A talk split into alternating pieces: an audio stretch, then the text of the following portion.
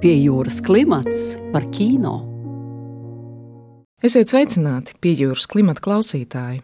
Šogad mūs gaida nebijis notikums. Nacionālās kinobalvas lielais Kristaps atklāšanas seansā tiks izrādīta daudzsēriju filma, kas apliecina šīs kinoformas strauji pieaugušo aktualitāti. Kristapa atklās pirmās divas sērijas no Armānas Virbuļa režisētās krimināllieta iesācējiem. Latvijas studijas Reddot Media, kā arī Lietuvas un Krievijas kopražojumā tapušais seriāls, veidots pēc Andra Kolberga romāna Meklējiet sievieti motīviem. 90. gadu Latvijas realitāte tajā veidot ar izcilu rūpību, sniedzot iespēju aizceļot laikā uz nu pat kā neatkarību atguvušo valsti, kurā valdīja bandītismu uzplaukuma noskaņas. Septiņu sēriju filmā, tāpat kā romānā, centrālais tēls ir sieviete, ko dažādos tās dzīves posmos atveidos divas aktrises. Latvijā atgriezusies kādreizējā Nacionālā teātra aktrise Madara Zviedre, kā arī Valmieras teātra kursa absolvente Diana Krista Stafecka.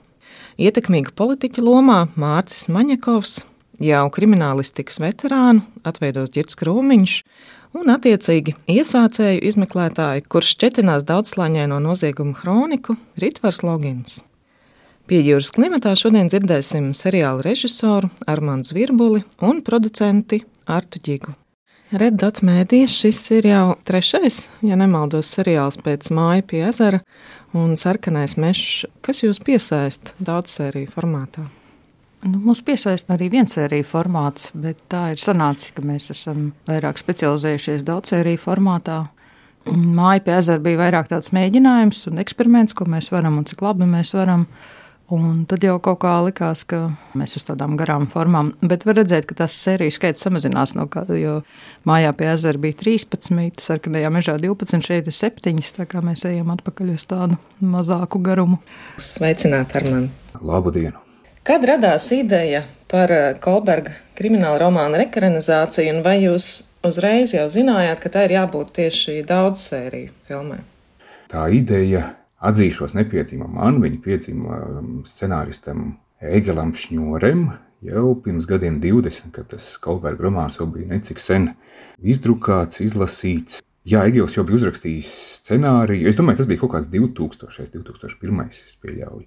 Nu, lai kaut kad perspektīvā taptu filma, vēl tajā tālajā laikā mums pieslēdzās arī Gins Bērziņš, kurš arī šoreiz ir klāts ar visu komandu un tāds vilcējs spēks visā projektā. Mēs jau toreiz zinājām, ka mēs to gribam. Kaut kāda apstākļa sakrita tā, ka tas nenotika, notika visādi citi projekti, bet pirms nu, jau laikam gadiem trim Egils man piezvanīja un teica, jā, tu atceries, bija tāda lieta, liekam to veco scenāriju nost, sākam visu no sākuma, un mēs arī mēģinājām sākt no sākuma, vēl bez artas, palīdzēja Brunošķuks, un jā, mēs tā kā tomēr mēģinājām startēt filmetrāžas lauciņā. Jau tajā brīdī izpratne, ka materiāls ir ārkārtīgi apjoms un ar to filmetrāžu ir stipri grūti, lai viņu tajā ietvertu, un arī šobrīd tās septiņas sērijas liekas pa mazu, lai izstāstītu visu to, ko Andris Kalbergs ir savā romānā ielicis. Tad sanāca tā, ka tajā brīdī, kad tika izsludināts konkurss, nācās ātri pieņemt lēmumus, pārorientēties. Jā, paldies Dievam, ka bija Arta, kas teica, jā, es redzu šeit stāstu, bija arī Juris Kursietis, kurš arī bija ļoti gatavs līdzdarboties, un Matīs Grīsmanis. Seriālam ir trīs scenāristi - Matīs Grīsmanis, Juris Kursietis un arī seriāla režisors Armāns Virbulis. Četri. Jā, ir Jā, vēl četri. arī Līga Celma kursiete. Jā. Jūra sieva, viņa iesaistījās arī, un viņa ir uzrakstījusi to sievietes līniju, jo visi iepriekš nosauktie ir vīrieši, un viņiem labi sanāk izmeklēšana, viss pārējais, bet sievietes līnijai bija vajadzīga sieviete. Kā noritēja šis komdarbs vai sērijas bija sadalītas starp scenāristiem, jeb kaut kādi vēsturiskie posmi? Vispirms mēs uzzīmējām tādu lielu, lielu garu Excel tabulu. Šajā filmā ir trīs pamatlīnijas, un tad mēs sadalījām katrā sērijā, kas notiek kurā līnijā, kā tas krustojās, un tad mēs sadalījām sērijas starp scenāristiem. Tad, kad tās sērijas bija uzrakstītas, tad mēs atklājām to, ka Katra scenārista sērijā mūsu tēli runā citā tonalitātē. Un tad mēs gājām pāri tam jau pa līniju aspektā. Un visbeidzot, tad, kad tas bija sakārtots, tad vēl Armāns gāja pāri un skatījās, kā viņš kā režisors to redz un mainīja kaut kādas lietas. Un tad vēl, protams, nāca klāt valodas jautājumu, jo seriāls ir tāpat kā sarkanais mežs, gandrīz pusi krievu valodā, jo tas ir par 90. gadiem, un krievu valodai tad bija ļoti liela nozīme. Tur runā arī angļu valodā, arī armēņu valodā, jo viens no tēliem ir armēņu mm, bandītu ģimene. Viņi runā savstarpēji armēniski. Un tad tās valodas lietas ievies vēl kaut kādas savas korekcijas. Nu, jā, un, protams, producents vēl atnāk un pasaka, šitais nebūs vairs, to mēs darīsim tā un tādas tās izmaiņas. Kādas jums bija attiecības ar šo te romānu, veidojot scenāriju? Cik Kolberga teksts ir kinematogrāfisks? Oi, viņš ir ļoti, ļoti kinematogrāfisks, bet viņa romāns nav kino scenārijs. Protams, būtu bijusi brīnišķīga iespēja, ja Andris pats būtu varējis rakstīt, bet nu, šis laiks, kad mēs pieslēdzāmies jau atkārtot viņa darbam, bija tāds, kad Andris jau tā kā bija veselības dēļ pagājis no radošās darbības. Tas romāns ir nu, bumba arī tajā ziņā, ka viņš ir visu aptverošs. Tur ir tik daudz kā iekšā. Tur ir entās pasaules, entie varoņi. Andris uzraksta rindkopu, kura varbūt ir vesels sērijas vērta kaut kur jau, un tad nu ej un izšķiries, ko no tā visa atstāt un kā saglabāt daudz maz grodu sižetu septiņu sēriju garumā, kaut kā attīstīt visus varoņus un nepazaudēt viņus. Ļoti, ļoti, ļoti grūti. Es pat jau nemāku izstāstīt, cik scenāriju versijas sākotnēji pirms filmēt pirmo sēriju, pirmos kadrus. Bet kā jūs ieteiktu lasīt pirms tam romānu, jeb drīzāk skatīties ar tādām pilnīgi svaigām acīm? Protams, vajag lasīt, vienmēr vajag lasīt. Andrim Kolbergam ir arī daudz citu lielisku romānu, ko arī var izlasīt, lai iegūtu to priekšstatu par šo laiku. Viņš ir, kā zināms, detektīvu žanra meistars, ļoti labi pārzina. Šī grāmata ir tapusi 95. gadā, publicēta 96. Un tur ir uh, ieliktas tādas um, Andra Kolberga sapratne un nojauta par lietām, kā tās notiek. Par ko nu, īsti tā kā vēl tajā laikā nebija tā kā plaši zināms, privatizācija ostā un tādām lietām. Mēs esam izmainījuši šo ekonomisko kontekstu un politisko kontekstu ar savām šīs dienas zināšanām par to, kas tiešām tajā laikā ir noticis. Bet Andris Kolbergs ir bijis ļoti tuvu. Viņam ir bijis ļoti, ļoti asins un redzīgs prāts redzēt, kas notiek patiesībā. Viena no būtiskākajām sižeta līnijām ir saistīta ar Valsts drošības komitejas darbību, ar aģentu vervēšanu, čekas maisiem. Un, kāds bija jūsu redzējums vai runājot par šo tēmu tagad, vairāk kā 20 gadus vēlāk, kaut kas bija jāmaina uzsveros? Nu, protams, es domāju, ka mēs kaut kādā lielā mērā esam samierinājušies arī ar to, ka šie cilvēki ir mūsu starpā. Varbūt mēs esam kļuvuši savā attieksmē pret viņiem tolerantāki, saprotošāki, kaut kāda informācija mūsos pašos ir vairāk par tiem apstākļiem, kā viņi to darīja, kāpēc darīja, kaut ko esam piedevuši. Nu, teikšu tā, es nemēģinu varoņus apsūdzēt, es drīzāk mēģinu viņus attaisnot. Bija nākušas klāt zināšanas, kas parādījās līdz ar čekas maisu izpēti ar šo procesu, kas pie mums notika pirms pāris gadiem. Tad tā pamatlīnija bija pareiza. Tur viss bija pareizi. Atšķīrās kaut kādas operatīvā darba metodas, ko mums iekomentēja cilvēki, kur tagad jau atļāvās runāt par to, kā tas īsti ir noticis. Tur ir izmaiņas, bet Tā, tas pamatstāsts ir par to, ka cilvēki, kas ir bijuši savulaik savarvēti, viņi nonāk ļoti augstos posteņos arī mūsdienās, un viņi joprojām ir darbā. Tā bija tā pamatlīnija, tā nav izmainīta, nu, jo arī tā diezgan stipri atbilst patiesībai. Kā jūs sameklējat šos konsultantus? Tas jau sākās jau ar sarkano mežu. Tur arī bija vajadzīgi konsultanti, kas palīdz saprast, kā notika šī operācija, spiegošanas operācija pēckara gados, un tur jau bija izveidojušies labi kontakti. Lielas paldies šiem cilvēkiem, kur tiešām arī ar lielu tādu interesētību kino mākslā ir gatavi dalīties ar to, lai tas būtu interesanti un adekvāti. Kā Kolberga teksts ir izturējis laika pārbaudu, vai tas tika saglabāts rakstot, teiksim, dialogus? Liela daļa ir saglabāti. Domāju, ka tieši dialogu daļā ļoti lielā mērā, jo arī grāmatā var just to, ka viņa tēli runā dažādās balsīs, dažādās tonalitātēs. Tas pilnīgi cits ironijas līmenis ir inspektoram, kārkliņam un, un pilnīgi citādāk runā pārējie. Un tas, kas nav pārcelts uz filmu, ir tas, ka grāmatā ir diezgan daudz arī tās moralizējošās daļas, kas 96. gadā noteikti bija ļoti asa sociāla kritika un bija vietā, un mūsdienās īsti nestrādāja vairs. Vai jums bija kādi atskaites punkti kino, par ko jūs domājāt, veidojot kriminālu lietu iesācēju, nu, teiksim, Alojas Brenča? Filmas. Jā, mēs gandrīz bijām uzrakstījuši identisku ainu no filmas Šaks Briljanta karalienei. Jo arī šajā filmā ir tāds moments, ka Kramplauzim ir jāiekļūst uh, dzīvoklī un slepeni jāpaņem ļoti vērtīga lieta. Tur sanāca tā, ka tā aina bija tik ļoti līdzīga Un it kā autors arī saka, ka viņš nav redzējis, viņš neatcerās tādu ainu, bet nu, droši vien, viņš bija redzējis un kaut kur zemapziņā tā aina sēdēja. Tā kā jā, tā bija tāda līdzība. Ar Alīzes Brenča filmām kopumā nav līdzības, jo tās bija savam laikam ļoti modernas filmas. Un tik interesanti arī, ka Šaks Briljanta karalienei tur bija tāds, acīm redzam, bija fantomas ietekme šajā filmā, kā viņi sazinājās savstarpēji. Bija pilnīgi nereālas tās iespējas šiem miličiem, jo tur tikko viņi padomā uzreiz lido helikopters un visi cilvēki arī Igaunijā runā latviski. Tā bija tāda nereāla vieta, bet mūsu savukārt ir stipri reāla. Mēs centāmies būt atpakaļ uz zemes. To, manuprāt, minēja jau seriāla konkursā Edmunds uh, Jansons. Viņš minēja tādu frāzi, ka tas varētu būt tāds Baltijas noārs, un jā, kaut kas uz to puses ir. Krimināla darbam ir jābūt tādam labi noblietētam, labi sakūtam. Man vienmēr ir ļoti patikušas vecās 70. un 80. gadu franču krimināla drāmas, Klauds Šabraus un, līdzīgi autori. Tas tāds varbūt piemērs, uz ko tiekties, bet uh, Laikam tas primārais tomēr bija tā pasaule, ko savā romānā bija uzbūris Andris. Tās kaut kādas pašu atmiņas, retrospekcijas par savu nodzīvoto dzīvi, kā tas bija. Nu, jā, un kaut kāds arī bišķiņi, nu, pienākums pret to nu, jau diezgan tālu aizgājušo laiku.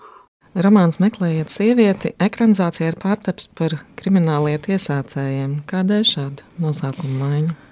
Pirmkārt, tāpēc, ka par šo laiku filmas ar nosaukumu Meklējiet sievieti jau ir tapušas vairākas. Otrkārt, Andris Kolbergs ir bijis lielāks romantiķis par mums, un viņam ir vairāk šīs sievietes melodramatiskās līnijas, un tā spēlē lielāku lomu. Un mēs kā tādi cietie mūsdienu produkti esam vairāk turējušies pie izmeklēšanas līnijas un pie šīs sazvērstības līnijas, un tur nav tik liels nozīmes tai melodramatiskai līnijai. Tāpēc. Un mums ir arī koproducenti no Krievijas, kur palīdzēja ar Krievijas aktieriem, un krieviski tas neskan vispār. Tas izklausās pēc pilnīgi cita žanra, un tāpēc izmaiņas nosaukumam. Jā, seriālā ir redzams starptautisks aktieru ansamblis, plējāde Latvijas kino neredzētu vai sen neredzētu seju, kā Madara Zviedra, Andrejs Iļins, Gaļina Bokaševska, kā noritējuši aktieru izvēle un piesaist. Ar Madaru bija tā, ka Un mēs diezgan daudz pārskatījām mm, aktrises, kas varētu spēlēt šo lomu. Mums bija dažādas versijas. Laikam jāpiezīmē tas, ka galveno lomu šo Natu Nolu spēlē divas aktrises, jo mēs viņai sekojam ļoti garā laika periodā. Un bija versija, gan, ka mēs gribam visu to periodu ar vienu aktrisi, un tad, kas ar viņu jādara, tad nu, dažādas tur bija. Un nu, bija jau pārskatīts visas, un mēs vienu vakaru sēdējām, un Armāns saka, jā, bet bija vēl tāda Madara Zviedra, cik viņa bija forša, žēl, ka viņa ir prom no teātra. Mēs zinājām, ka viņa ir aizbraukusi uz Ameriku, bet es nospriedu painteresēties, viņa bija nu pat kā atgriezusies Latvijā. un tad tas šķita, ka tā arī jābūt, tas ir viss sakritis, lai tas tā būtu, un Madara ir lieliski tajā lomā. Un viņai ir lieliska partneri arī šīs pašas lomas atveidošanā Diana Kristista Fecka, kurai tā ir pirmā kino loma. Armāns bija redzējis viņu diplomu darbu izrādēs, viņš bija pilnīgi pārliecināts, tad mēs viņu paaicinājām un, paskatījāmies caur kameru, tas ir tas viens no tiem brīnumainajiem momentiem. Iespējams, ka Diānai uz ielas var paiet garām un neatpazīt, kas viņa tāda ir, bet, kad tiek ieslēgta kamera, viņa parādās pilnīgi cita. Tas tiešām ir iespaidīgi, ko viņa var izdarīt, un kā kamera viņa mīl, tā kā jā, par to nebija nekādu šaubu. Savukārt par citām lomām vēl viena galvenā loma ir izmeklētājs Kārkliņš, un tā ir tikusi arī jaunam iesācējam, tāpēc arī krimināliet iesācējam Ritvaram Loginam no Alvi Hermaņa kursa, kurš arī laikam drīz jau tiks absolvēts. Viņš ir arī ļoti labs, ļoti atbilstošs lomai. Tā arī ir Armanda izvēle, viņš jau bija viņu noskatījis. Un tad trešā galvenā loma ir Zaglis Antons Nitišs, kurš ir ielikts cietumā vēl padomju gados, 80. gados. Viņš iznāk ārā 95. gadā, un priekš viņa visa pasaule ir sabrukusi, jo ir cita valsts, cita valoda, citi nosacījumi, un arī viņa zagļu pasaule ir sabrukusi. Un tur mēs ļoti ilgi meklējām, mēs skatījāmies arī lietuviešu aktierus, un tas mūsu ideālais aktieris, pēc kā mēs piemeklējām pārējos, bija Aleksandrs Gorbanovs, ukraiņu aktieris. Un tad vienā brīdī bija tāda, kāpēc mēs meklējam viņam līdzinieku, pajautājām viņam. mēs pajautājām, viņš bija ar mieru. Tur, protams, ka ļoti palīdz pēdiņās šis Covid laiks, arī Ukrainā teātris ir cieta un, un kino industrija strādā citādāk. Tāpēc arī šie aktieri mums bija tik viegli pieejami. Jo bez Alekseja Gorbunovā tur spēlē arī armēņu aktieris Hrants Tahaķans, kurš um, nu, ir vienkārši lielisks. Viņam ir milzīga harizma arī tas uz ekrāna ir redzams, bet viņš bija aizņemts starp to, ka tajā laikā notika arī Kalnu Karabahas konflikts kārtējies, un viņš ir uh, pilsonisks aktīvists. Viņš uh, nodarbojās ar to, ka palīdz atjaunot Kalnu Karabahu, vāc ziedojumus, sūta uz turieni, dara kaut ko, lai tur cilvēkiem būtu laba dzīve dzīve, visu cieņu, kā aktieri to dara. Tiešām bija par to ļoti patīkami pārsteigt. Šeit arī notika tāda tikšanās ar um, vietējo armēņu kopienu. Viņš arī viņus pierunāja iesaistīties Karabahas atbalstīšanā. Tas visu cieņu cilvēkam. Un tad gaļīnā, jā, protams, viņa ir saule uz laukuma. Ja viņi ir uz laukuma, tad tur visiem ir labs garstāvoklis. Nu, viņi spēja to izdarīt. Andrejs Iļīns ienāca pēdējais uh, šajā ansamblī. Viņš kā bijušais rīznieks arī ļoti priecājās par iespēju braukt un spēlēt šeit. Un vēl ir Jurijs Curillo, arī liela kalibra aktieris. Viņi visi bija priecīgi braukt un spēlēt šeit, tāpēc, ka viņi nebija tikuši laukā no Krievijas jau vairākus gadus dēļ Covid. Tas mums palīdzēja. Tas, kas tiešām bija problemātiski, bija šo aktieru vīzu sagādāšana un viņa atļaujas iebraukt šeit. Jo Covid laikā šajā visā periodā mūsu vēstniecības nestrādāja, ir apturēta visparastā kārtība, vīzas netiek izsniegtas, un tur milzīgs paldies jāsaka gan ārlietu ministrijai, gan konsulārajam departamentam, gan konsulātam Pēterburgā, gan vēstniecībai Maskavā, kur ļoti iesaistījās un palīdzēja, un pilsonības migrācijas dienestam, kurš mums palīdzēja tos vīzas sagatavot. Tas bija nereāli. Tas tiešām izskatījās nereāli, jo nu, filmēšanas grafika ir tādi, tu tur taisi, taisi, viņš tev ilgu laiku stāv tā filmēšana, ka viņi tev būs pēc trim mēnešiem mēnešiem, un tagad izrādās, ka vajag nākamā nedēļa, un tās vīzas nav. Un liekas, ka tas nenotiks. Viss tas kārš namiņš sabruks, bet pateicoties tam, ka šie cilvēki iesaistījās un palīdzēja, tas viss notika. Seriālā nozīmīga vieta ieņem izteikti autentiskā vēsturiskā vide un kostīmi līdz pat niecīgām detaļām. Cik sarežģīti bija atrast īstās lokācijas, sarūpēt nepieciešamo. Atrast lokācijas nebija viegli, jo ļoti daudz kas ir gājis uz priekšu. Šeit nevar atrast gandrīz vairs neko, kur nebūtu gājis pāri eiro remonts. Un ne tikai tādā nu, sliktā izpratnē, jo 90. gados arī bija eiro remonti, kas varētu derēt, bet eh, nu, cilvēki dzīvo citādāk. Nav vairs tāda. Visgrūtāk bija atrast kādu vannas istabu vai toleti, kas būtu atbilstoši tam laikam. Lai gan es pat īsti nezinu, vai mums tāda ir tagad filmā, bet mēs meklējām. Piemēram, policijas iecirknis ir uzbūvēts no jauna, Pārējais ir lielā mērā atrastas lokācijas, un tad ir tāda daļa, kas attiecās uz Maskavu 70. gados. To mēs neatradām, to mēs braucām filmēt Kijevā. Atradām lokāciju tur. Kad un kur mēs varam gaidīt krimināllietas iesācējiem nokļūšanu pie skatītājiem? Pavisam drīz šī filma būs pirmoreiz redzama 24. februārī Lielā Kristapa programmā, kā atklāšanas filma, par ko es esmu ļoti lepna un priecīga. Un tas arī tuvina to, ka daudz arī filmas arī tāds īsts kino nozares sastāvdaļa, ka tas nav tāds sansolis vai kaut kas tāds. Bet to jau arī ne tikai mēs, to jau arī Emīlija un arī Sarkanais Mešs pirms tam centās pierādīt, ka tas tā ir. Un pēc tam nākamajā nedēļā būs vēl viena pirmizrāde 2. martā Apollo kinoteātrī, jo jā, es gribēju piezīmēt to, ka mēs esam strādājuši pie īpašas skaņas. Un šajā filmā būs uh, skaņas miks, būs atbilstošs nu, tā saucamajai 3D skaņai. Un Apollo kino ir šīs atmosfēras licence, un tur varēs pilnībā izbaudīt, kā tas skan, ka telpa ir visapkārt, nevis tikai pretī ekrānā. Un tad arī tajā nedēļā, arī piekdienā, sāksies izrādīšana LMT straumē pa divām sērijām nedēļā. Un būs paralēli iespējams arī redzēt Apollo kino trešdien vakaros, seansos kino gardēžiem, ja tur varēs eh, dzirdēt ar visu šo superīgo skaņas apstrādi. Raidījumā mēs dzirdējām Artu Ģigu un Armānu Zvirbuli. Pie jūras klimata vadīja Sonora Broka un Monteja Judīta Bērziņa. Raidījums tapis ar valsts kultūra kapitāla fonda atbalstu.